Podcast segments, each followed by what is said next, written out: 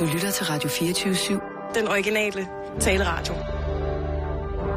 Velkommen til den korte radioavis med Rasmus Bro og Kirsten Birgit Schøtz-Krets Hørsholm.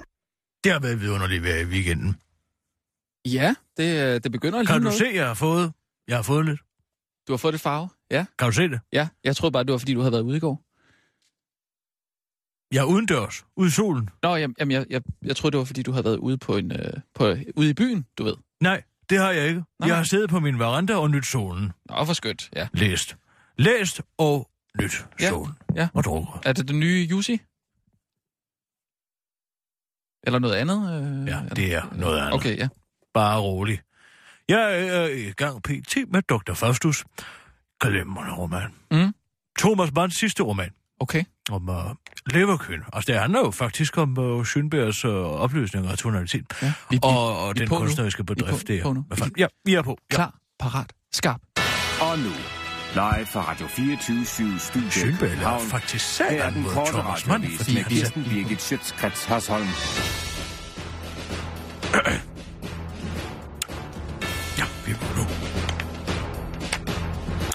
Norwegian Airlines nu også offer for dansk offermentalitet. Tre passagerer i et Norwegian-fly fra Alicante til København retter nu skarp kritik mod Norwegian, fordi en mand døde af et ildebefindende ombord på flyet, og de ingen krisehjælp blev tilbudt. Det eneste vi fik var en sms. Vi fik ikke andre informationer overhovedet, og vi blev ikke tilbudt nogen former for hjælp. Vi blev tilbudt en sandwich i lufthavnen. Det var det, fortæller Christian Rasmussen, der sammen med Lærke Jensen og Mads Rademacher nu, anklager, nu klager deres nød til Ekstrabladet. Dermed indskriver Norwegian sig i rækken af en lang række danske virksomheder og internationale virksomheder, der er blevet offer for den danske offermentalitet. Siden har, tidligst har Disney været ramt af offermentaliteten, da udsynet var dårligt til et gratis arrangement på Gammel Torv i København. Også Dansk Supermarked blev ramt for en måned siden, da det var svært at samle alle dyrekort i et gratis samlehæfte. Men nu kom turen altså også til Norwegian. Altså, det er da ikke rart at være offer for den danske offermentalitet, siger administrerende direktør i Norwegian Bjørn Kjos til den korte radioavis og tilføjer. Vi er jo ikke herre over liv og død, og det er jo ikke vores skyld, at den mand tilfældigvis døde på et af vores fly. Men vi er jo heller ikke interesseret i en shitstorm, forklarer Bjørn Kjos, der nu har søgt kriserådgivning hos livs- livsstilsekspert Henrik Byager. Det er en enormt farlig situation, det her. Det mest naturlige ville jo være at bede folk om at tage vare på deres egen velbefindende, og selv tage kontakt til en psykolog, hvis virkeligheden er kommet for tæt på. Men hvis du fucker med den danske offermentalitet, så beder du ved til shitstormbålet. For første gang ved jeg simpelthen ikke, hvad vi skal gøre. Det er en catch-22, siger Byer til den korte radioavis. Statsministerkandidater i tv-duel uden at blive afbrudt af ordstyren. Efter gårdsdagens tv-duel er politiske kommentatorer og valganalytikere stadig i gang med at analysere, hvad der egentlig blev sagt, og hvordan det blev sagt, da de to statsministerkandidater Helle thorning Schmidt og Lars Løkke Rasmussen tørnede sammen i en hård kamp om danskernes krydser. Flere kønsforskere peger på, at Lykke tabte, da han udtalte, udtalte, der er så meget, du ikke forstår til Thorning, men at Thorning derimod var super skarp og sjov, da hun håndligt og med hovedet på skrå udbrød, åh ja, der, der Lykke bønfaldt statsministeren om ikke at blive afbrudt gang på gang. Det er et tydeligt tegn på, at mænd er nogle svin, og kvinder ikke er det, udtaler kunstforsker Anne Mette Paludan til den korte radioavis. Hvem der blev duellens vinder, er politisk kommentator Asger Rostrup dog ikke i tvivl om. Det var alle de partiledere, der ikke deltog i duellen. De lykkedes rigtig godt med at bevare illusionen om, at der stadig er lidt forskel på partiernes politik, synes jeg, udtaler Asger Rostrup til den korte radioavis. What would Jesus do? Ja, hvem ville Jesus egentlig stemme på, hvis han ligesom alle andre danskere skulle til valgurnerne den 18. juni? Han ville nok være i tvivl, men indtil videre ville han stemme på et af partierne i Rød Blok, men så ville han alligevel være i tvivl og endeligt beslutte sig, når han stod i valgboksen med stemmesedlen foran sig. Det er i hvert fald sådan, de danske præster forholder sig til spørgsmålet om, hvem de vil stemme på den 18. juni. Ifølge en ny undersøgelse foretaget af Christi Dagblad ville 46 procent nemlig sætte deres kryds hos et parti i Rød Blok. 22 procent støtter en borgerlig regering, mens hele 32 procent endnu ikke har besluttet sig. Og det er meget Jesus ånd at vente til sidste øjeblik med at tage standpunkt. Det mener præsten Paul Bjergård, der ligesom Jesus er meget i tvivl om, hvor han skal sætte sit kryds den 18. juni. Jeg tror, Jesus ville have rigtig svært ved at kunne gennemskue forskellen på Lykke og Tornings politik, men jeg tror også, at han i sidste ende vil stemme på Torning, fordi det er skide vigtigt, at man tilgiver hinandens løftebrud, udtaler præsten, der også overvejer at sætte sit kryds hos Dansk Folkeparti, der ligesom ham heller ikke kan fordrage de mange perker, der kommer til Danmark for at nasse på systemet. Det var den korte radioavis med Kirsten Birgit Sjøtskrets Hørsholm.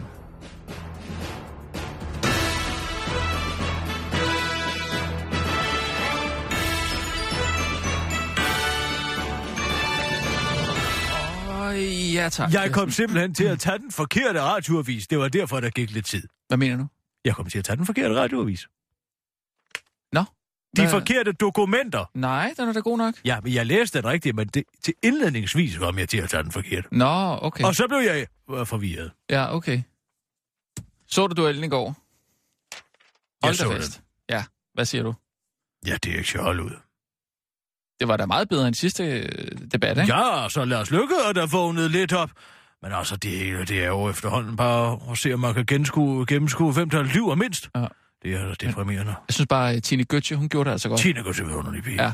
Åh, oh, hvor hun god. Altså, hun blev jo politikerne tale, jo. Det var jo... Det var... Jamen, hun gjorde, hvad en, hvad en moderator skulle holde ja. Sin kæft og sørge Ja. for, at der var orden på gemytterne. Ja. Og det var der.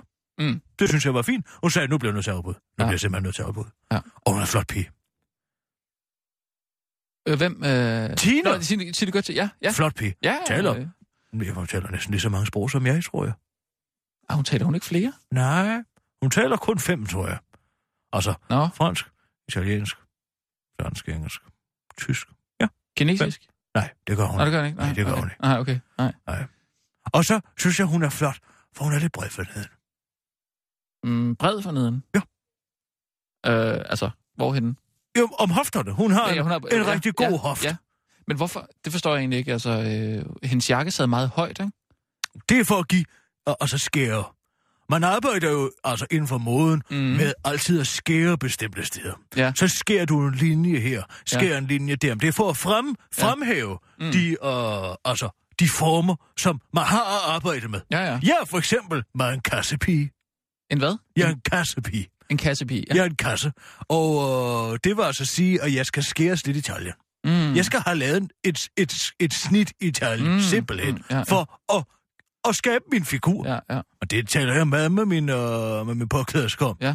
Det gør jeg. Men du har sjældent sådan en, øh, en jakke på, som Tine Götze havde. Sådan Jamen en, det er øh, fordi, så vil, de, så vil folk sige, der kommer køleskab. En... Nå. Mm. Ja, det har jeg ikke Der lige- skal jeg simpelthen have noget, der går ind. Ja. Og men, det gør man ved for eksempel at give en en Ja. skulderbud. men hvad så En god skulderbud, Ja, okay. det giver figuren Ja. Og for hvad mig. hvad Og jeg tør... ved godt, at det har ikke været på mode lang tid, men det er sådan. tørklæder. Du har tit tørklæder på. Tørklæder på, ja. Ja. Det er også noget, jeg bruger. Mm. Altså, det er alt sammen for at skabe... Altså, stil er jo en... Stil er vedvarende, men moden... Altså, den, den er jo til for at skabe figuren. Mm. Mm? Ja. Ja. Og det gør de jo godt med Tina. Virkelig godt, synes jeg. Ja, ja. Jamen, det er meget uh, Merkel-agtigt, ikke? Det der look. Angela Merkel. Nej. Der er Tina altså 100 gange mere chic. Nå, okay, ja. Ja, det synes jeg helt Jamen, jeg, jeg, det er svært at gennemskue sådan lige præcis, men... Jeg synes, at det her med Norwegian, det er forfærdeligt. Altså, kan ja. man ikke... Kan Ej, man ikke... tænk på de børn. Er du sindssyg, mand? Jeg Hvis- tænk på den mand, der er omkommet. Kunne man da også tænke på. Og nu skal man først og fremmest tænke på de børn, der sidder i umiddelbar nærhed. Jamen, hvor her Tænk at de ikke engang Det er noget livet og død. Tænk, at man er kommet så langt væk. Jeg så mit første lige, da jeg blev født, du. Jamen, så fik, hvad, hvad, hvad så fik du... Øh... Krisehjem, nej. Nu skal jeg fortælle dig en ting. Hvad? Hvordan kan det være Norwegians skyld, at manden er kreperet i deres flyvemaskine? Nej, det er det da heller ikke. Men det, Hvorfor derfor... skal de så tilbyde krisehjælp? Hvis man er så mærket af at se et lig, så kan man jo betale for sin egen psykologhjælp. Hvem Hvorfor kan man ikke tage ansvar for sit eget velbefindende mere? Hvorfor kan man ikke tage ansvar for sin egen psyke? Hvorfor skal man hele tiden gå og skyde skylden over på andre? Åh, oh, vi kunne ikke få dyrekort, nu er mit barn ked af det. Mit barn kunne ikke se til en Disney-koncert, nu er mit barn ked af det. Hvad med, at du selv opdrager dit barn og siger, ja, nogle gange så kan man sgu ikke se. Og man, man kan jo godt lide... Og nogle gange så dør folk, og det gør de også i en flyvemaskine, og det kan de også gøre nede i supermarkedet, og de kan også gøre det på en togstation i Japan. Ja, ja, men, men derfor kan man jo godt lige tage hånd om sine passagerer og sige, hey, Så skal jeg fortælle nu- dig om en traumatisk oplevelse. Da jeg var over og få rundvisning på Studio Ghibli, over i Japan. på Studio hvad? Studio Ghibli. Studio Ghibli. Studio Ghibli! Hvad er det? Miyazaki så tegnefilmstudie er jo meget stor Nå. uh, Animera-fan. Anime? Øh, og, øh, ja, men så står jeg der og venter på hurtigtoget. Og øh, det er varmt. Øj, hvor var det varmt den der sommer. Det var ulideligt varmt. Jeg havde, ja. øh, jeg havde ikke så meget barme. Det, havde jeg, det har jeg ikke mere. Det havde jeg dengang, der havde jeg barme. Og øh, så står jeg og venter på toget der. Mm. Og masser af mennesker. Det er der jo i Tokyo. De render jo rundt. Ja. Og så øh, er det gennemgående tog. De har jo den her bullet. Bullet train. De her lyntog.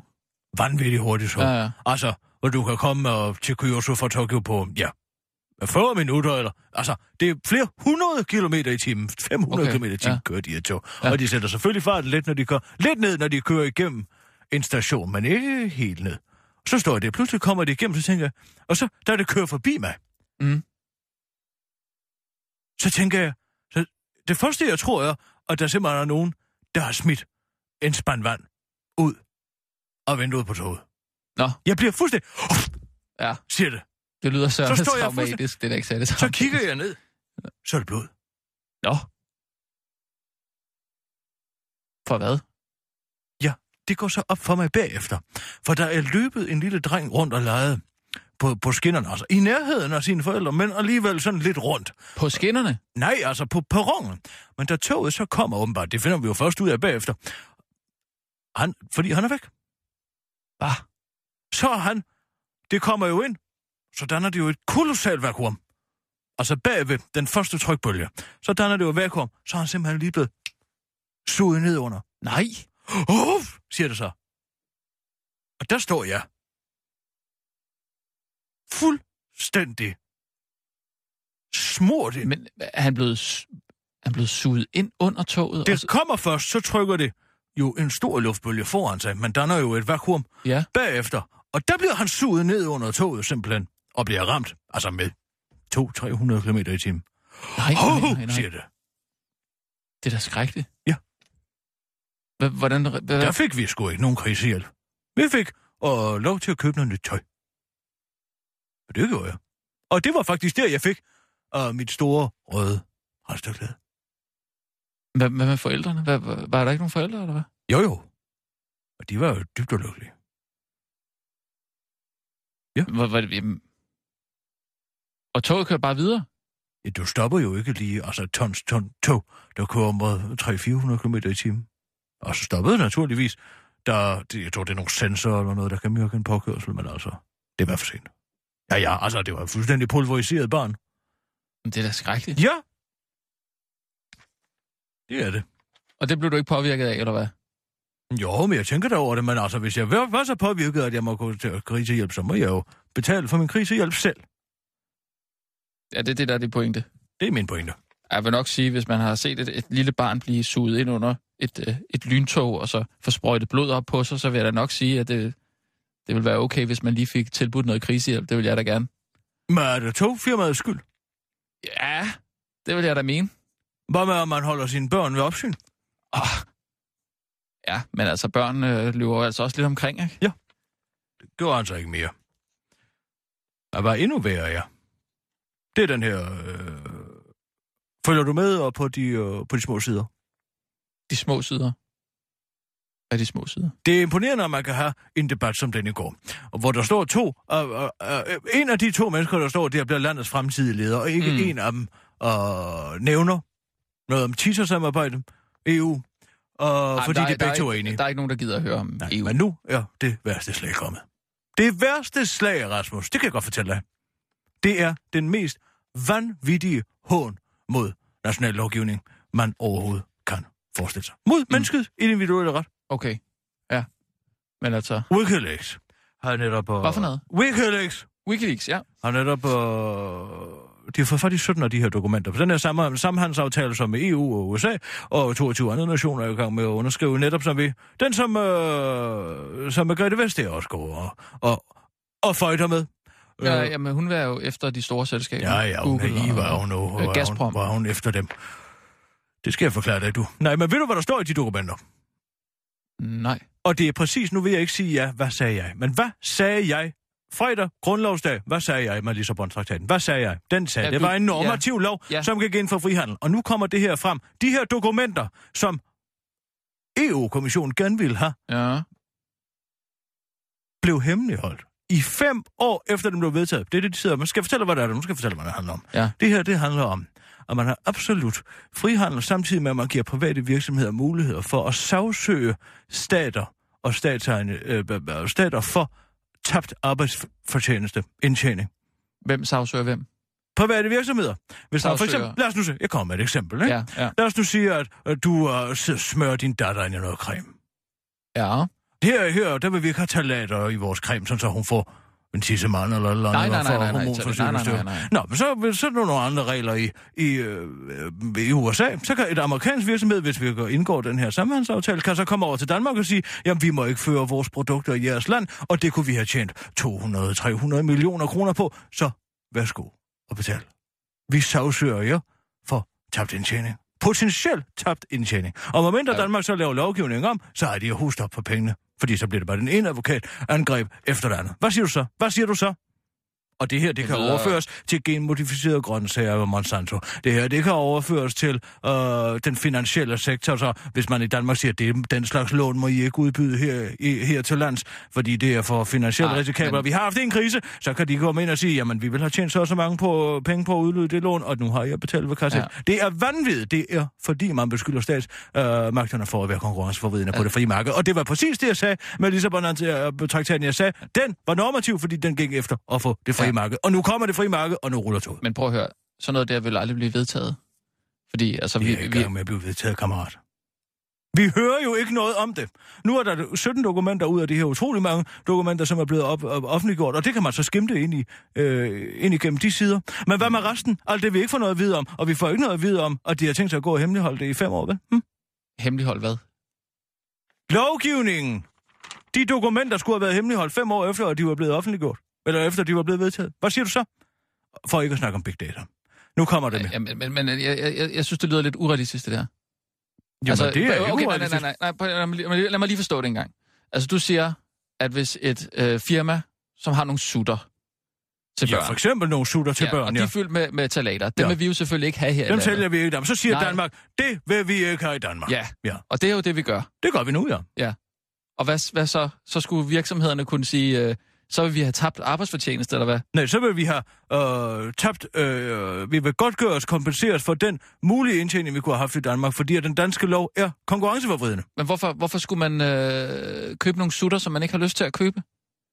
Hvis de er fyldt med talater, hvad skal vi så med dem? Jamen, så kan man, men, men, men det er jo et spørgsmål om lovgivning. Hvad skal man så med dem? De vil jo Vi vil sige, jo ikke have det er fri. Nej, vi vil ikke have, at der kommer den slags kemi ind i vores børn. Vel? Nej. Nej. Men så kan de komme og sige, at det er jo ikke kun sutter. Det handler om, det kan også være teleselskab, hvis man har for eksempel, som i Uruguay har et statsejet teleselskab, så kan alle de andre teleudbydere komme og sige, det er ulovligt, det må man ikke. Det er konkurrenceforvidende. Eller DSB for den sags skyld. DSB hvad? Ja, DSB er en statsejet Og kan, transportvirksomhed. kan vi nu ikke lige snakke om sutter? Ja, hvad så? Altså, så, så, så kan et firma simpelthen øh, sige, vi, vi, vi vil have erstatning for det, For vi, det, vi kunne, kunne have have, tjent, ja. hvis ikke det var, fordi vores sutter indeholdt talater. Hvis det ikke var fordi, at det var forbudt i Danmark. Hvis de her sutter havde været på Men det er markedet... dem, der har et lorteprodukt. Der er der ikke nogen, der gider det er der ikke alle deres... mennesker, der er klar over det. Men Der er der ikke nogen, der vil have, have talater i deres børn. Det er der ikke alle mennesker, der er klar over, hvad en talat er. Der er der masser af dumme... altså- Hvor det er mange dumme mennesker er der i det her land? Hvor mange dumme mennesker? Jeg spørger nej, dig. nej, Hvor mange prøv- er dumme? Det er der, der ikke særlig mange, der er. 65 procent. Det er mit skud. 65... 65 procent. Okay. Kirsten. Men det kan også gå over til fracking. Vi kan få udlagt hele vores undergrund. Så olieselskaberne kan sige, vi må ikke have en lovgivning mod fracking. Det er konkurrenceforvidende. Øh, Det der fracking der, det har jeg ikke Ja, forstået. fracking det er, når man tager en masse kemikalier og pumper dem ned i undergrunden for at frigøre noget naturgas i skiferlagene. Men- Og så samtidig så kommer der øh, kraftfremkaldende stoffer i alle vores allesammens Nej, men, drikkevand. hvad- nej, fordi det har de De kun, har det har allerede de kun fået lov til at... Nej, kæmpe områder i USA med det her. der, altså, der har man sagt øh, fra dansk side, at øh, de kan ikke få lov til at lave det fracking der, med, med mindre de opfylder alle øh, love om, om klima. Præcis. forhold. Og det er konkurrenceforvidende. Så man skal betale de andre firmaer. Så skal man betale kompensation som stat, hvis man har en lovgivning, som de, de mener... Okay, jamen, så, Forvrider konkurrencen. så der er et andet hul der, fordi de, den, den slags penge har vi jo slet ikke. Vi kan jo ikke Nej, så må betale- vi jo lave lovgivning om. Lad mig, lad, mig, lad, mig, lige gøre det her færdigt. Du har aldrig Nej, forstået, det her at færdigt. EU er skabt af forretningsfolk. De er skabt af folk, der ønsker det frie marked. Det forstår du ikke. Bare- Og her sidder vi op som sådan nogle godtone idioter. Hverken Lars Lykke eller Helle Thorning har tænkt sig at gøre en skid ved det her. For Sars Larsen, han er, han er den mest liderlige åkral af dem alle Bak, lige tilbage en gang. Altså, øh, vi vil ikke have de der sutter med talater. Øhm, men vi skal betale for dem alligevel. Og så er der et, et frackingfirma, som ikke øh, fracker øh, miljømæssigt korrekt. Anders, De skal, de Anders skal, Kjærulf, kom de lige skal, herind. de skal, be, hvad? Jeg fanger lige, han går forbi Anders Kjærulf der. Så må han forklare det. Jeg, jeg kan, Ej, jeg, jeg, jeg, så bliver det sådan noget aflyttet. nu skal du høre her. Nå, hej, øh, Anders. Hej. Hej. Ja, Prøv at høre her, Anders. Jeg sidder og prøver at forklare øh, Rasmus det her med den her øh, teaser øh, og samhandelsaftale, og han fatter det ikke. Det er også kompliceret. Kan du, øh, kan du godt øh, gøre et bud? Jamen, Jeg var, jeg var i gang med at prøve at forstå noget. Uh, det er derfor, der, der, er- der er et hul i det her, ikke? Fordi altså, hvis, hvis man skal kompensere et uh, suttefirma, som har talater i deres uh, sutter, Han kan kun tænke om sutter, fordi han har nogen jamen, det er da lettere at forstå så. Ja, den, den sag er jo faktisk lidt mere dobbelt, fordi der jo, faktisk har man jo forsøgt her i... Øh, der var et forbud mod de her falater i EU en kort periode. Så kom man i tanke om, at det, det, det galt ikke rigtig alligevel, men man var til undersøge det nærmere. Så nu er det udsat igen. Så der ligger faktisk et forbud allerede. Det ligger rodet rundt, den her sag. Den har ikke så meget med de her øh, konkrete ting at gøre. Men det kan det meget hurtigt komme til på et tidspunkt. Der ligger tre store Mm. aftaler, flyder rundt i verden lige nu, som hedder, den hedder TTIP, står for Transatlantic Trade and Investment Partnership. Den hedder TISA, det står for Trade and Services Agreement, og så hedder den, der hedder TPP, Trans-Pacific Partnership. Og det er vel, hvad man sådan kan kalde for globalisering på speed, hvis man skal bruge sådan et lidt bredt udtryk for det. Altså, hvor man vil have så meget frihandel som overhovedet muligt inden for mellem EU og USA og alle mulige andre lande, man på nogen måde kan. Og det vil også sige, at, som der blev nævnt før, at øh, det kan give os de problemer, at øh, hvis nu man prøver på at forbyde det her, så mm. er man pludselig uden noget ballade. Så er konkurrenceforvidende. Og så kan man komme med sine advokater i ryggen og sige, Ja. så har jeg betalt for det, vi kunne have tjent. Det er der, hvor jeg vil hen til, at der er et hul. For hvis du, skal betale alle de der firmaer, der skal kompensere, så er der jo ikke penge til det. Altså, det, så finder man jo ud af på et tidspunkt, hov, det her det er en, øh, en, øh, en, en mærkelig lov. Vi kan jo ikke gå og Ja, kompensere, så må man jo afskaffe loven, hvis den er for dyr her. afskaffe. Uanset hvad, så får vi det problem, Ja. vi, vi kan ikke rigtig få at vide, hvad der foregår, fordi der er kun de der få sider, der er, blevet, øh, der er kommet ud, fordi Wikileaks har fået fat i dem. De har udlovet en dusør på 100.000 dollar, hvis man kan skaffe hele det her øh, arbejdsdokument, de sidder og roder med, og som de har rodet med temmelig længe. Og der skal laves en afstemning om det på onsdag. Og vi har ikke hørt et suk om det i Danmark. Altså, så den er ikke vedtaget. Den er ikke vedtaget endnu, men det bliver den sandsynligvis. Ud og investere i noget sølv, kammerat. Det er det, jeg siger. Tak skal du have, Anders. Ha' en god dag. Forstår du det nu? Øh, ja, nej. Eller jo, men jeg, jeg synes bare ikke, det giver mening. Jeg tror ikke, altså... Nu er han gået. Øh, Jeg tror simpelthen ikke på det. Nej, men så vent du bare. Ej, men, Jeg har råbt vagt i gevær, jeg overgår det ikke mere. Jeg har også skrevet en nyhed på det. Jeg har faktisk skrevet to. Så nu gør jeg, hvad jeg kan. Altså, hvis du kunne forklare det på en eller anden måde med, med, med Lego-klodser Nej, nu måske. stopper det. Der bliver ikke noget med Lego. Vi kører nyhederne. Men jeg tror, det er noget, folk har interesse i, men alligevel... Vi kører nyhederne! Ja. Klar, parat. Og nu, live fra Radio 24 Studio i København. Her er den korte radiovis med Kirsten Birgit Schøtzgrads Hasholm. Wikileaks offentliggør irriterende afslørende dokumenter om EU-samhandelsaftalen TISA. TISA, eller Trade in Services Agreement, har været forhandlet mellem øh, EU, USA og 22 andre nationer siden 2013, og har været dybt hemmeligholdt, men nu har Wikileaks fået fingre i 17 dokumenter, der løfter sløret for, hvad det egentlig er for en aftale, der er ved at blive indgået, og som skulle have været hemmeligholdt i fem år efter vedtagelsen. Det, der viser sig at være inden under Obama og Margrethe Vestagers på overfladen gode intentioner, er en monumental frihandels- og fridata-aftale, der trumfer alt, hvad der hedder national lovgivning. Det er et koben, der har til formål at vride markedet åben, skriver Forbes Magazine i denne uge. Og det lyder måske ikke så slemt, men i realiteten betyder denne aftale, at alt, hvad der hedder national lovgivning på et område, kan ses som konkurrenceforvridende i forhold til det frie marked, og dermed også kompensationsberettiget. Lad os sige, at vi i Danmark ikke har nogen talater i vores sutter, og det vil vi ikke, øh, og det har vi ikke, og det vil vi ikke have nu, som det er nu. Men i Amerika er lovgivningen en anden, så vi en amerikansk død sutteproducent med den nye frihandelsaftale i hånden kunne sagsøge den danske stat for tabt indtjening i Danmark. Og så vil Danmark enten skulle ændre sin lovgivning eller betale i form af kompensation, siger professor i international økonomi Henriette Petersen til det korte radiovis og tilføjer. Bred så denne frihandelsvirkelighed ud over hele markedet, og så er konsekvenserne åbenlyse. Alt, hvad der hedder national lovgivning om alt fra hormonforsyrende stoffer i forbrugsvarer over fracking og den danske undergrund og nationaliserede sundhedsvirksomheder til basal national infrastruktur, som for eksempel offentlig transport. Det vil ophøre med at eksistere, fordi det kan betale sig for staten at betale erstatninger til multinationale firmaer med store advokathold, afslutter han til den korte radioavis. Eurokraten og erhvervs- og vækstminister Henrik Sass Larsen beroliger dog den europæiske befolkning øh, igennem en udtalelse til den korte radioavis. Bare forhold jer i ro, siger så Larsen og tilføjer. Det nytter nemlig ikke noget at gøre modstand alligevel. EU-hjulene ruller, og de hjul er bygget øh, med frihandel for øje, så de stopper ikke. I kan heller ikke vælge jer ud af det den 18. juni. Også på det her område er Helle Thorning Schmidt og Lars Lykke nemlig rørende enige. Skal jeg slet ikke udtale mig om big data i den her sammenhæng, spørger han til sidst, og jo, det skal han i den næste nyhed, som kommer nu. Ny EU-frihandelsaftale gør big data til en leg. De har Wikileaks netop offentliggjort 17 dokumenter af TISA-aftalen mellem EU, USA og 22 andre nationer, viser tegn på at gøre op med en besværlig lovgivning om big data. Særligt Facebook og Google har haft sit hyr med at efterleve de strenge europæiske persondatalovgivning. Og det er et faktum, alle Margrethe Vestager-fans er klar over, efter hun har opnået international status for at give de store datavirksomheder en ordentlig mavepusser gennem samhandsaftalen TISAs frie datafilosofi. Offentligheden får nu indsigt i lige, i lige præcis, hvad den mavepuster består af. Vestuager og EU har nemlig sørget for, at big data virksomhederne aldrig nogensinde får lov til at bedrive deres virksomhed i USA eller EU. Til gengæld så kan de gøre med de i, i Europa og USA indsamlede data præcis hvad fanden de vil alle andre steder end i Europa og USA. TISA sørger nemlig for med den nye lovgivning om frit flow af data, at virksomhederne bare kan overvåge europæerne og amerikanerne fra server i andre lande præcis så meget de vil. Så kan det lære det, siger Margrethe Vestager, mens hun børster hænderne af. Henrik Sass Larsen er også glad for det gode resultat. Hvis det ikke sætter gang i økonomien, så ved jeg simpelthen ikke, hvad der gør, siger den store smilende erhvervs- og vækstminister. Sommeren gør forsøg på comeback.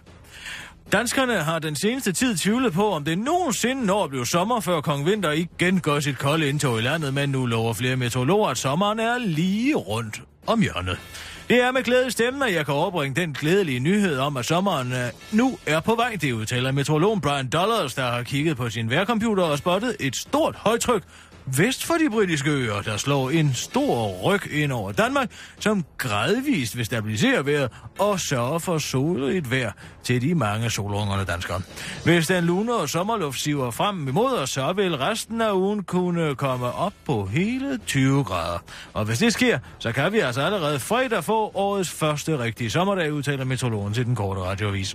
Men inden vi oplever årets første sommerdag, så skal vi altså lige igennem en til to dages gråvejr med stedvis regn og temperaturer under 3 grader. Muligvis kommer vi også til at få en front med regn og tordenbyer, som ventes i løbet af fredagen og gør det af med toppen af den sommerlige varme, men det er ikke nu usikkert. I første omgang kan vi dog glæde os over, at sommerligt vejr endelig ser ud til at finde frem til Danmark. Det var den korte radioavis med Kirsten Birgit Hørsson. Kan sgu da ikke være rigtigt, at det er under 3 grader. Jo, om natten. Er det så koldt om natten? Ja, ja. Det er derfor, min roser ikke vil komme frem. Øh, det der frihandelsnød der. Bare rolig, jeg skal nok lade være med at lave mere på det. Jeg ved godt, at, at Dorte Jensen over på apoteket i Randers ikke forstår en skid af det. Nej. Det gør hun ikke. Nej. Øh, Det er jo svært at bare sige, at vores øh, rettigheder og suverænitet bliver overtrumfet. Uden at komme med eksempler på, hvorfor den gør det. ja, vi, ja, vi skal ikke køre mere nyheder om det, jeg vil bare gerne lige vide. Øh, altså, hvis man skal kompensere de der firmaer der, så siger du, øh, at det, kan, det er der jo ikke råd til. Kirsten, prøv, lad, nu, lad mig nu lige forstå det. Ja, Så kompenserer man de der firmaer, det kan man jo kun gøre x antal gange, så må- kan der ikke være flere penge tilbage i Nej. statskassen. nej. Godt. Og så siger du så, at det kommer til at føre til, at øh, så får vi frihandel. Så øh, bliver man nødt til at ændre lovgivningen, Øh, Ja, hvis man kan ramme sig på EU-domstolen øh, Men- ved at være konkurrenceforvridende. men, men altså, så, så er vi jo bare i en situation, hvor vi som forbrugere bare skal vælge de der firmaer fra, der producerer talat, sutter. Ja. Det er vel ikke så slemt?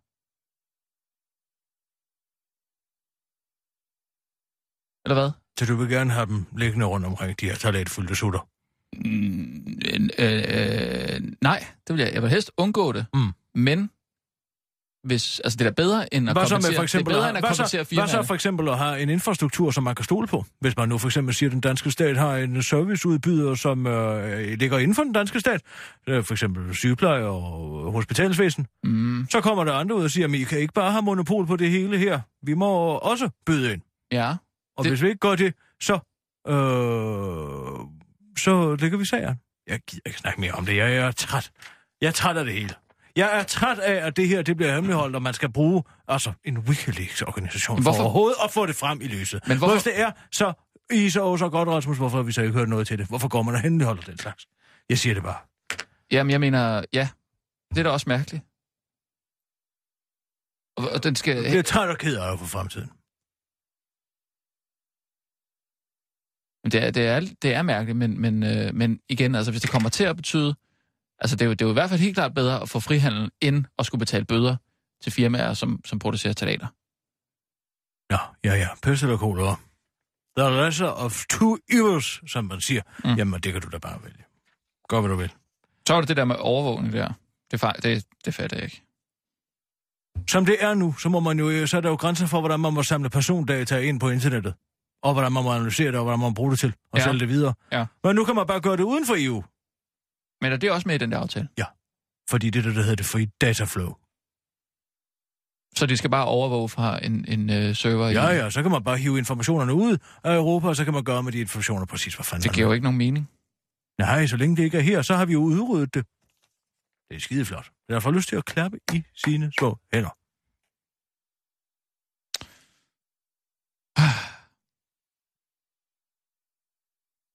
Det er altså fedt, hvis, hvis, hvis sommeren kommer nu, ikke? Altså, jeg synes godt nok, den er, den er trukket ud den her vinter. Jeg, jeg kan ikke huske, at jeg har oplevet en så kold maj måned før. Hvad er der, Kirsten? Hvad er der?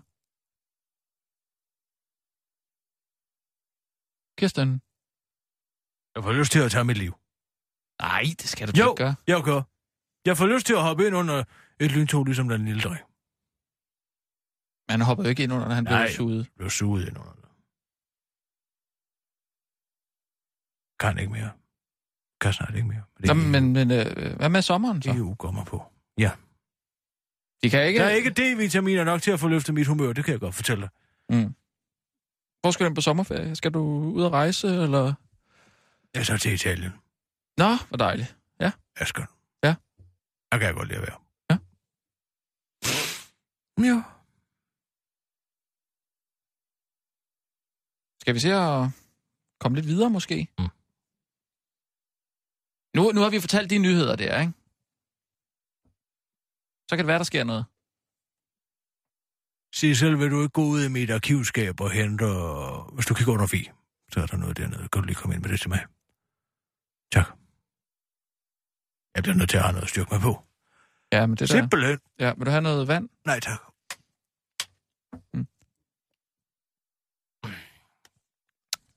Jeg synes, jeg så uh, Torben Sangel herinde. Han var det er meget muligt, at han arbejder her. jo. Er der noget mærkeligt i det nu?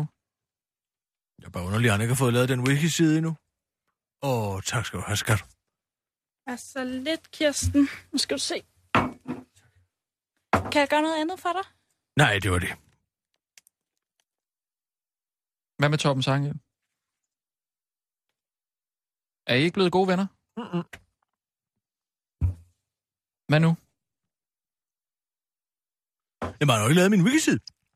Oh, Nej, men du har heller ikke betalt ham for det. det har jeg da. Ja, det er måske lidt vekseltræk, men ellers så... Han har da fået penge for det. Han skulle lave noget om køn, overhørte jeg. Hvad er nu det for noget? Kan jeg ikke lave det et program om køn? Om hvad? Køn? Om køn? Ja. Altså en mand og en kvinde. Ja, ja, ja, ja. Ja, til programmet skulle han lave det. Jeg fatter det ikke. Ja. Det handlede om, øh, om køn. Tissel, ring lige til Torben. Hvad var det, du ikke fattede ved, Ja, hvordan man kan lave en Teams-program om det. om køn? Altså, øh, Det er Torben. Goddag, Torben, det er Kisser. Jeg troede ikke, vi var på talefod. Nej, det er vi vel ikke. Du har jo kørt hestehandler tricks af på mig, og... Hvad fanden er det for noget? Hvad mener du?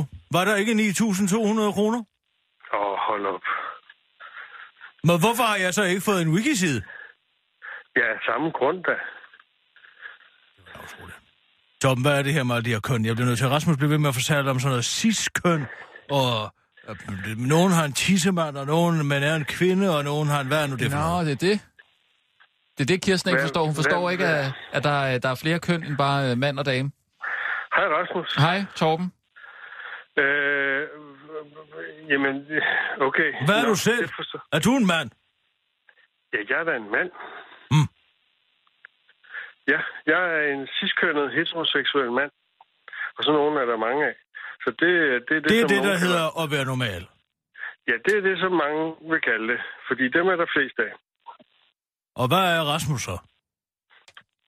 Øh, jeg tror bestemt også, at Rasmus han er øh, både øh, ciskønnet og heteroseksuel. Hvordan kan du... Hvad, hallo? Hvor mange er der så af dem? Altså, så er der en Men hvorfor, cis-kønnet... hvorfor, hvorfor, hvorfor stiller I mig Jeg her forstår det ikke. Jeg kan ikke forstå, hvorfor at der ikke... Altså, Ja, det, det er der fordi... er en mand, og så er der en kvinde. Og så er der en bøssemand, og så er der en lesbisk pige, ikke? Jo, og så er der jo alle mulige mere tvikønnede, øh, som er født med Så er der hermafroditter. Nej, det er der ikke. Ikke blandt mennesker. Hermafroditter findes blandt planter og dyr, visse dyr. Snegle for eksempel. Men der findes ikke menneskelige Der findes der er mennesker, en som er født myte. med både en tissemand og en tissekone. En vulva men og for- penis. Det hedder, men det hedder interkønnet, eller intersex, fordi, øh, øh, øh, hvad hedder det, for at være en hermafrodit, så skal du kunne, øh, så skal begge øh, kønsorganer være befrugtningsduelige. Øh, og det er de aldrig hos mennesker. Det er altid den ene. Øh, enten så fungerer ingen af dem, eller også så er det kun den ene, der fungerer befrugtningsmæssigt. Øh, Så du kan have alle mulige syndromer, hvor du øh, er sådan øh, øh, lidt mere tvikønnet. Det kan være, altså, øh, øh, mænd har udvikler bryster, og kvinder har dybe stemmer og den slags. Var den møntet Hallo? på mig, Torben? Hvad for noget? Var den møntet på mig? Det kan du godt afstå dig fra. Og kalde mig alt andet end en normal pige. Det- det- ja, det- muligvis det en var- efterårspige. det- det- Men altså, Det gjorde han Hvad ikke. Snakker du om? Du møntede på mig med min dybe stemme. Nej, det gjorde han ikke. Sidder du og påstår, at du- jeg har testikler i stedet for æggestokke? Sy- Har du en dyb stemme? Ja, det har du vel ikke. Du kan godt spare dig, du. Torben Sange var- kommer med sådan en stikpille til mig, efter jeg ringer for at søge dit Lad ord. nu være, lad nu være. Vi skal Ej, det, ikke det, at det, være det her, den her samtale, den tror jeg ikke. Farvel! Jeg gider. Ja, Jeg gider tror, ikke mere jeg med må dig. Det er slut. Nej, ja, ja, mere. du kan tro nej. Farvel. Tak skal du have. Torben, jeg tror, det, det drejer sig om, at... Ja, du kan øh, godt droppe det. For helvede, hvor er han irriterende. Men hvorfor spørger du... Her ringer man med de bedste intentioner. Og så får man sådan en sviner. Det, der var ikke nogen sviner der, han, det, han ramsede op. Ja, han ramsede op. Men Han, det er var, fordi- helt, han var helt uskyldig. Det er fordi, der er 98 køn. Det er det, du ikke helt... Uh... Så vil jeg bare spørge om det, hvis jeg var dig. Kan vi få lov til at køre nogle nyheder? Jo, det kan vi da i hvert fald. En rigtig møgdag i dag. Jamen, det er sådan lige mandag. Monday, Monday, du ved, ikke? Det kan godt... Det vil jeg synge. Klar? For... Og nu, live fra Radio 24 Studio i København. Her er den korte radiovis med Kirsten Birgit Schøtzgrads Hasholm.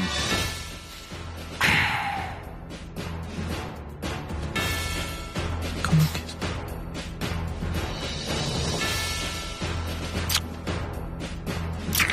Kirsten. Dansk Folkeparti vil have grænsebom på de danske virksomheder. Nu kommer Dansk Folkeparti med et nyt udspil, der skal sikre, at virksomheder ikke kommer til at ansætte den person, som de selv mener er bedst kvalificeret til et givet job. Står det til partiet, skal virksomheder nemlig kunne dokumentere, at de ikke vil kunne få besat deres stillinger med danske lønmodtagere, før de får lov at benytte ordninger, der giver mulighed for at importere arbejdskraft fra lande uden for EU-området. Ideen til det kontroversielle forslag kommer efter, at Dansk Folkepartis udlænding og integrationsordfører Martin Henriksen faldt i søvn derhjemme på sin sofa, imens han så et DRK-program om 2. verdenskrig. Jeg lå og stenede noget tv om krigens redsler, da jeg døsede lidt hen, akkurat som Nazi-Tyskland vedtog Nürnberg-loven. Og da jeg vågnede, havde jeg altså en idé, som jeg ikke kunne få ud af hovedet. En idé, der gør det ulovligt at ansætte folk, der ikke er europæer. Jeg ved simpelthen ikke, hvor jeg får mine geniale idéer fra, udtaler Martin Henriksen, mens han begejstret slapper over på et tv-program om Nordkoreas hemmelige arbejdslejre og lægger sig til at sove. Kæmpe paradoks opstår, da politikere svarer nej på ja-nej-spørgsmål. Kan du ikke bare svare ja eller nej på mit spørgsmål? Sådan har vi efterhånden hørt mange journalister spørge politikere i løbet af de 13 dage, valgkampen har stået på. Sædvanligvis er svaret på det spørgsmål endnu en tirade af udenomsnak, men søndag aften svarede en socialdemokrat fra Herning i en logisk kortslutning nej på det spørgsmål over for en journalist fra Herning Folkeblad. Vi har længe arbejdet med, hvad der vil ske i tilfælde af et sådan paradoks. Nogle af mine kolleger har argumenteret for, at universet vil have en lov for at undgå et sådan paradoxalt brud på logikken, siger professor i, professor i logik for Københavns Universitet Frank Westman til den korte radioavis, der fortsætter. Men der skete ingenting. Journalisten fra Herning Folkeblad, der stillede spørgsmålet og fik det overraskende paradoxale svar, blev der også slået helt ud.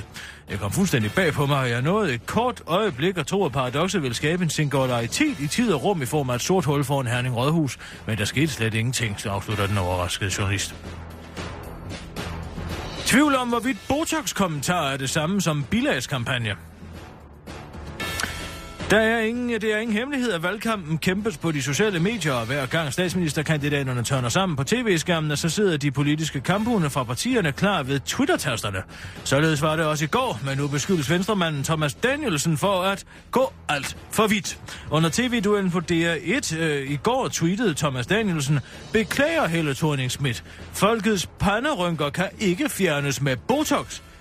Og selvom moralens vogter Anders Samuelsen var hurtig ved fariserloven og kommenterede plat kommentar, Thomas, jeg tager 100% afstand fra det niveau. Lad os tale politik. Det andet er ikke ok. Så beskyldes Thomas Danielsen nu for at spille på de nedværdige, nederdrægtige rygger om, at Helle Thorning Schmidt har fået Botox-behandling øh, i panden. Men det mener hovedpersonen selv er helt hen i skoven. Altså, man fjerner jo rynker med Botox. Hvis folk selv associerer Botox med Helle thorning Schmidt, så kan jeg jo ikke gøre for det, siger Thomas Danielsen til den korte radioavis. Men den børnlige argumentation kan ifølge Socialdemokratiets partisekretær Lars, Midt, Lars Midtiby kun bruges om Socialdemokratiets kampagne, hvor Lykke er afbildet foran en masse gule bilag, der ikke handlede om Lykkes bilagsager. Alle tænker jo på Botox, når de ser Helle thorning Schmidt, og det er også selvom hun ikke har fået det.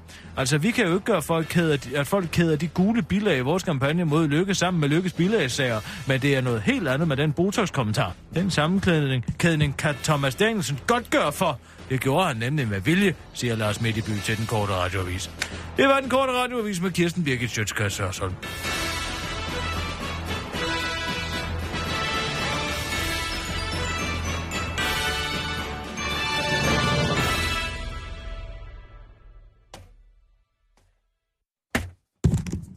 Undskyld, jeg skulle lige ud en gang. Kom nu op med humør. Nej. Jeg er i elendig humør. Lone Kylman har sendt mig en video. Mm, journalist. Hun blev 70 i går. Nå. Var du til, øh, til noget fødselsdag, eller? Jo, Inviter- jeg var til noget fødselsdag. Hvorfor Ja. kan man ikke høre lyden på den? Hvad mener du? På hvad? På min computer. Skal du have hjælp? Hvad er det, du vil vise? Jeg går hjem. Nej, det skal du ikke gøre. Jeg gider ikke mere. Er det det med... Øh, Jeg Uffe ved jo ikke, hvad det er, for jeg har ikke set det. Jeg har set det der. Det er Uffe Elbæk. Øh, han har besøg af... Eller han er sådan en snak inde på DR, så kommer Jytte Appelstrøm ind. Hun er jo øh, partife. Der. Se. Hun er fantastisk. De, hun hedder... Eller, de kalder hende partife i Alternativet. Ladevogn, som hans aften sidste sommer. Tornby Strand mellem Hirshals og Altså, er hun fuld, eller hvad? Nej, hun er ikke Jeg det hele, ligesom jeg gør nu. Så sagde jeg, skal jeg sige det, jeg vil sige nu, Lars? Ja, der var tusind mennesker. Solen gik ned i baggrunden, og jeg sagde til de tusindvis af mennesker, se hvad der er i baggrunden. Vedvarende energi i mod sol. Ja. Og derfor skal vi have vedvarende energi i hjertet. Mm. Så nu skal vi vide, hvad vi klapper for. Jamen, vi skal bare klappe. Nej, der stod nogle børn foran. Nu altså, siger jeg noget rigtig smukt, og I må ikke blive ophidset, fordi Storm P. havde en onkel, der både var naiv og havde en overbevisning, og han var ret nervøs. Og jeg har også Det ved du også. Jeg er både naiv og har en overbevisning. Og det generer ikke mig, og det skal ikke genere andre. Og det er derfor, vi har noget til sammen. Så derfor sagde jeg, nu skal vi klappe for, at vi laver tre ord om. Mm. Forbrug, vækst og konkurrence. Det skal laves om til ydmyghed og nøjsomhed og næstekærlighed. Og det klapper vi Yes. for. Er I med på at klappe? Jeg har hjemme i Klappeland, Klappeland, Klappeland. Vil du godt være venlig at lade være med at stå og klappe til det? de har hjemme i Ja, Klappeland. undskyld. Ej, det er altså... Det er flyvende farmor, som vi kender hende. kan simpelthen ikke holde ud. Og det er jo det mod, vi har sammen. Fordi vi skal det hele skal jo op og Mm. svinge, ikke? Jeg kan stå nede i en bank og tale med en hjemløs, og så bryder det hele sammen. hjemløs? Og så går jeg jo hen til banken. der er en hjemløs derinde, ikke? siger jeg, Altså, hvad i alverden Hør, nu, hvad hun siger. anekdote? Hør nu, hvad hun siger. Total utroværdigt. Sølvblanke helt skal jeg strige mig i sø. Må jeg føre dig dit til den nærmeste stak og se kævlen kysse på skørter på frak? Må jeg lægge min hånd over dit vigende liv, mens det knitrer af sol i de Mm. sænkede siv? Må jeg løfte dit slør over stråhattens rand? Hun går Der, altså ind og ejer det der program der. Ja, fordi hun kan hår Jeppe Aakjær er på. så gul som en byg af og Ja, mens den høstmilde sol fletter guldtråd deri. Når jeg visker ved øret, hvor kinden er brun, og hvor bølgerne kærer de små gruber i det stuen. Og dit blik går i drømme Hør nu efter. Der er en pointe. en blomst for din vristhøjsko, og en græshoppe stryger sin mosviolin. Og jeg Utrolig, hun kan det udenad. hånd i et langt hjerdi. Så siger ham, den hjemløse, hvad, hvad kender du også hjem Åkær? og så gik alle maskinerne i gang. Han er jo Og det hjemløs. vi skal have ind i det politiske. Hvorfor kan en hjemløs ikke kende Jeppe Aakjær? Jamen, det har man da ikke regnet med. Hvad er der det for en nedladende holdning til de vi hjemløse? Jytte som partifæ. Jeg ville jo have spurgt Jytte. Det er et partifæl, Det, altså, altså faktisk, den Partifæ? dag, øh, hvor... Øh, Ja, og var det ikke mærkeligt? Jo. Jeg har sådan en lille bitte radio. Tilfældigvis åbnede jeg den den der. Tilfældigvis hørte jeg om det parti, ja. og så, så ringede Og jeg. første, jeg ringede ellers ind- aldrig. Hun var den første, der ringede ind og, og bakkede op om Alternativet. er den Jeg ringer ellers aldrig. Hun ringer P1 konstant at til mig. Alternativet, så tænker jeg, we are home safe. Ja, så, går, så skal Vi, det nok vi, gå ja, altså. så skal det nok gå alt sammen. Ja, Det er helt ja, fantastisk. ja. ja. Ja, så derfor, ja, du får stillet mange spørgsmål, og alle de ting, der skal løses. Jeg sidder og læser John Engelbrecht livs. Ej, var du dygtig, Jytte Appelstrøm. Og den gemmer vi til en god gang. Ja, ja. Det var da Det utroligt. når hun så ikke at fortælle. Der har de Når ikke at fortælle, hun har brugt to og et halvt minut på at recitere Jesper Håk her. Ja tak, det kan vi sgu alle sammen stille i at sol går ned. Sol går ned på heden. Dyr går hjem fra dagens bid. Stokken står i redden. Ja tak, og giv mig en medalje. Det er. Og herre bevares. Partifæ. Det er da herligt, det er da forfriskende med... Jeg ringer ellers aldrig. Hun kimer mig ned, kan jeg godt fortælle. Jeg har sagt til hende, jeg gider ikke mere. Bare fordi jeg en gang havde barmhjertighed nok til at hente Peter Myggen fra SFO'en. Fordi han ikke kunne tåle at, at se sin mor ankomme i et stort gulerodskostyme, mens hun spillede på sav. Og sagde, Kirsten Birgit, vil du godt være venlig at hente mig de andre driller? Så siger, Ja, jeg, okay, jeg har ikke ja. tid til at hente dig, Peter. Så siger han, jo, ved du ikke nok, jeg kan ikke holde det ud. Og ganske rigtigt, så så jeg hende en dag komme og hente ham, mens hun havde en propelhat på og en stor tromme på ryggen. Og gik sjovt. og sang hele vejen ned. Du skal se, hvor han skammer sig, den dreng. Så sagde jeg til ham, Peter, det skal du ikke opleve mere. Jeg skal nok hjælpe dig. Jeg skal nok hente dig. Jeg henter dig hver onsdag, og den onsdag, det har han fortalt mig, det er den eneste grund til, at han endte med at blive et psykisk velfungerende menneske. Åh, jeg synes nu nok, han har... Øh, jeg har læst interviews med ham tidligere, hvor han, han fortæller, at det har været altså, vildt og inspirerende på mange måder at have sådan en mor som hende, som altså, underholder på... Hvem tror du, det er? Hvem tror du, det er? det, er, det, det er ikke Jytte Appelstrøm. Det er fald. Jytte. Nej! Hallo? Øh, det handler om, hvad I er i nærheden af.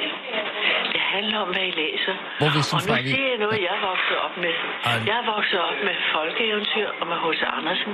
Ja, det er flot, og Jytte. I skal ikke blive Hallo? af det, når jeg siger det, jeg siger nu. Fordi I kan jo ikke vide, at sidst i 60'erne og 70'erne, der kom der noget, der hedder socialrealisme. Ej, ja, tak. Og de Det ville er jeg godt. faktisk bekendt med. Og på mange måder blev det også godt. Er hvad? Jytte, du har ringet til Kirsten Birgit. Vil du godt... Hallo?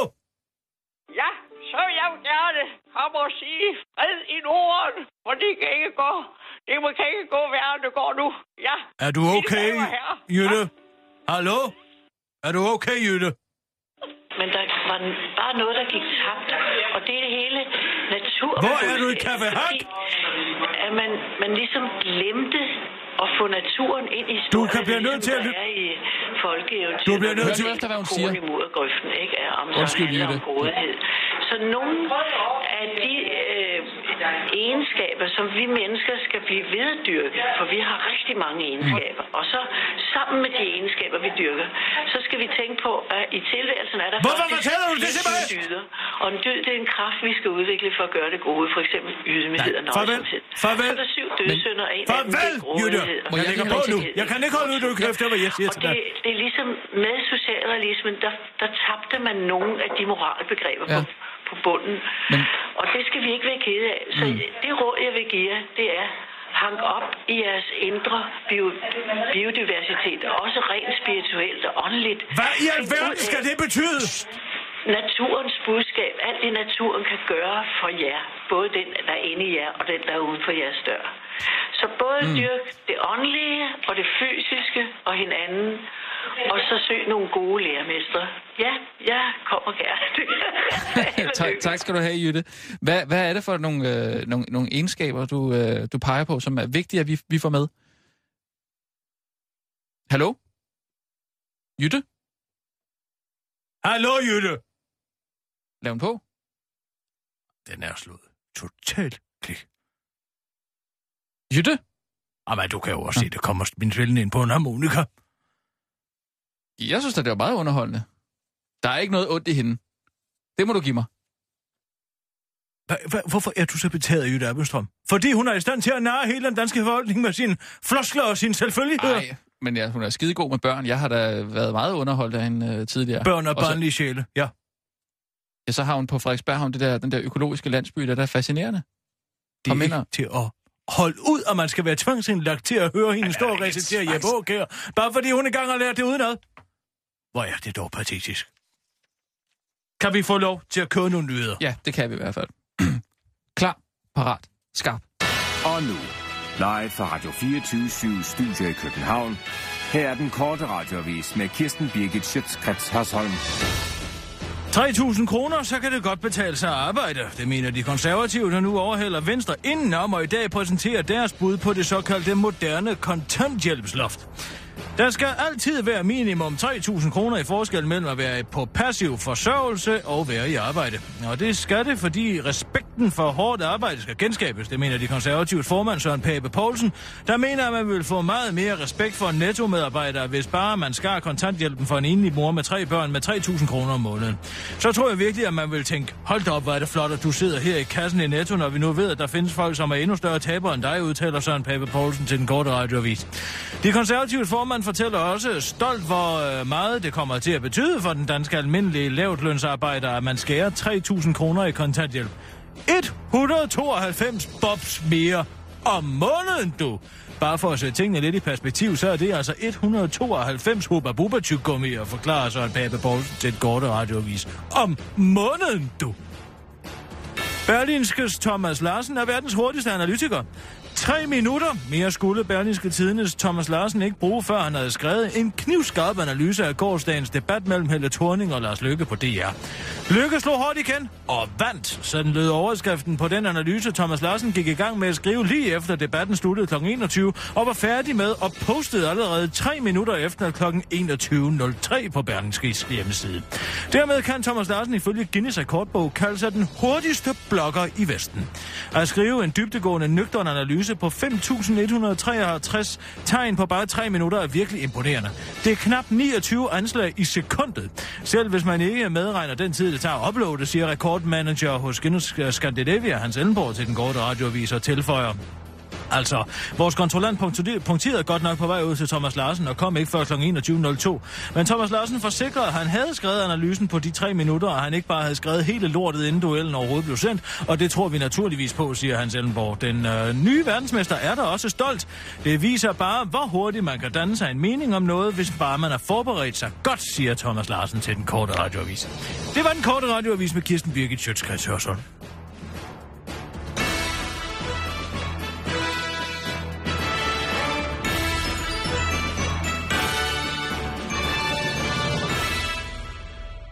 Du har simpelthen passet øh, Thomas Myggen så, eller hvad? Nej, Peter Myggen. Thomas Nå, Myggen. Ja, ja, Peter Myggen. Det er ham, den ulidelige fra Robinson. Ja, Men øh, Peter Myggen er scorekaj. Ja. Nikolaj. til at lækkert hår. Ja, ja. Se, den her havde nok ikke kommet frem til, hvis ikke han Hvis havde ikke jeg havde hentet ham hver onsdag, så han slap for det psykologiske pres, det var at hele tiden skulle ydmyges foran alle de normale børn. Er det din mor? Hørte jeg nogen råbe. Og så Ja. sagde han nej. Sagde han nej? Sagde han nej. Der var bare med mig om, åh, oh, hvor, blev, hvor fik jeg ondt af ham. Mm. Kan jeg da godt forstå. Det er ikke det, han siger i Det interviewet. har været rigtig lort i dag dag. Hold kæft, for det været noget lort. Jamen også, også interessant på en eller anden måde. Timing har været dårlig, det har været... Det bare været en rigtig øvdag. Det er lige efter weekenden. Altså, alle dage kan sgu ikke være lige gode. Folk sidder jo heller ikke og sådan lytter intensivt til det, skal du tænke på. Det er jo noget, folk hører i forbifarten, ikke? Mm, de sidder i bilen og så lige har nyhederne og sådan noget. Men Ja, det er ja. stadig min stemme, der går ud over. Ah, det skal du ikke tænke på. Du var god, Kirsten. Du er altid god.